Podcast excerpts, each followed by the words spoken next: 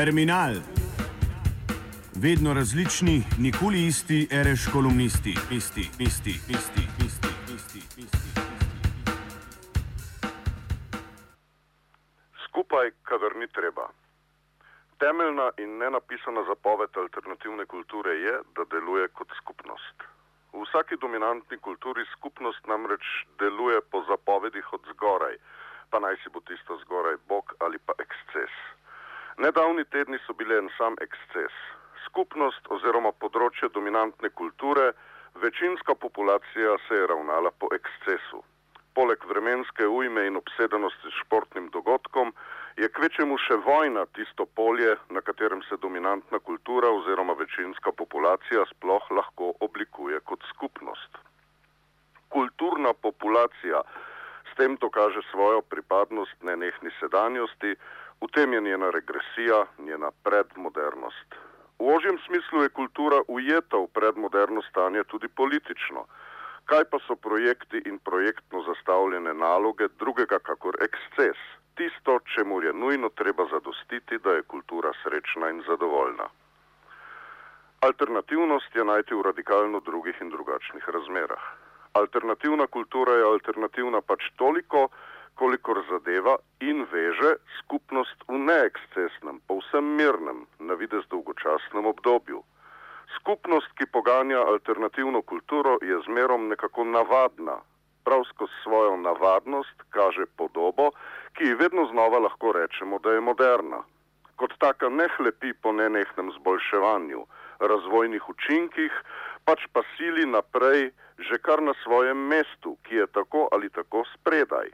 In ta spredaj ima lahko ambicije avantgarde, lahko pa kratko malo ustreza tisti skupnosti, ki je srečna in zadovoljna že s tem, ko dela reči, za katere ni mesta v nobenem projektu, v nobenem načrtu kulturne politike. Alternativa za svojo srečo in zadovoljstvo namreč ne potrebuje ekscesnega pogona. Ekscesen, za dominantno kulturo še kako ekscesen, je kvečemu njen rezultat. In kakorkoli obračamo, rezultat naporov v alternativni kulturi je prav tista skupnost, ki pomeni tudi njen začetek. Sam pogoj alternativne kulture je obenem že vs njen izid.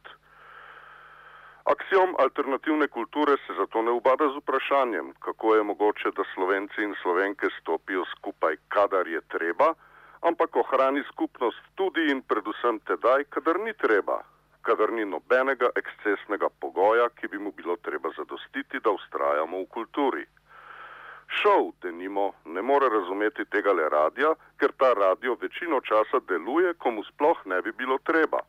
Kot tak je seveda tudi šov zavezan k ekscesu. Ne more delovati brez zaščite gasilcev in odlikovanj, če se izrazimo aktualno. Vsa alternativna kultura pa je ravno nasprotno utemeljena z nepotrebnostjo, z navadno nepotrebnostjo. In ker je navadna nepotrebnost že sama v sebi ironična, se reč dodatno zaplete. Populacija, ki lahko deluje samo v ekscesnih razmerah, ima namreč skrajno boren smisel za ironijo. To je dokaj stara zadeva. Kritična sociologija literature tako ve povedati, da je Ivanu Cankarju recimo v teh krajih spodletelo, ker ni upošteval, da narod okrog njega nima nikakršnega smisla za ironijo. Cankar je kot kak priden alternativec zadevo sicer speljal do konca, a ga nihče ni mogel razbrati, ker se je dominantna kultura okrog njega obnašala kot en sam, resnoben, ekscesen značaj z zelo robatim smislom za humor. In prav ubadanje z narodovim značajem je tista žalobna vrlina, ki trenutnim ekscesnim razmeram dodaja še in še negativnega kapitala. Že tako se sprašujemo, komu je v interesu obče kopičenje negativnega kapitala, potem pa se dominantna kultura zaplete še v razpredanje o narodovem značaju. Tako se ustvari nekakšna večna gostilniška psihoanaliza, ki recimo, ki za svoje nadaljne delovanje potrebuje novih in novih ekscesov. Alternativni kulturi tega res ni treba.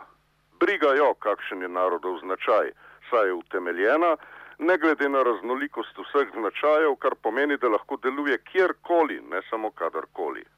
Če je samonikla, samorasla, skvoterska, avtentična, potem še toliko bolje. Potem za svoj obstoj dejansko ne potrebujejo kavih razprav o tem, kako omejen in hrapav je ta narodov značaj, da spričo njega nikakor ni mogoče delovati normalno. Prav obrnjeno. Bolj ko je narodov značaj globoka greznica, uspešneje se alternativna kultura dokaže kot tista, ki ji ni mar, tudi ko bi bilo treba.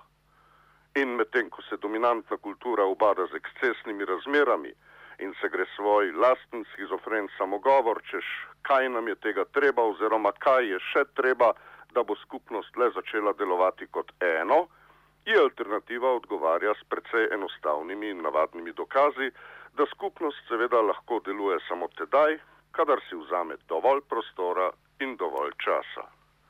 Alternativna ambicija zagotovo ne upošteva, kaj bi bilo treba, ampak se konstituira kot nepotreben subjekt. Politično nezavedno zatorej alternativo zmeraj bere kot eksces. V svoji dominaciji mu ni jasno, da so pravzaprav zunanje ekscesne razmere tiste, ki tvorijo virtualen svet, nasilno spravljeno skupnost, v kateri je prostor in čas samo še za junaštvo in uspeh, pa naj si gre za ujmo ali pa šport.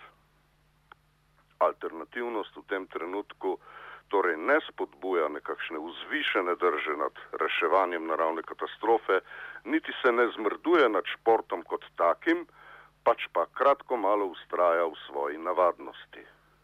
In ko se v tem nemogočem razmerju med dominantno kulturo in alternativo kaže podoba temeljnih razlik, bi to kazalo vzeti kot prednost. Vprašanje pa je, ali ubadanje z narodovim značajem razliko sploh lahko vidi kot nekaj svetlega, kot nekaj, kar deluje celo brez ekscesa, tudi takrat, ko je to najmanj potrebno. Zdravo.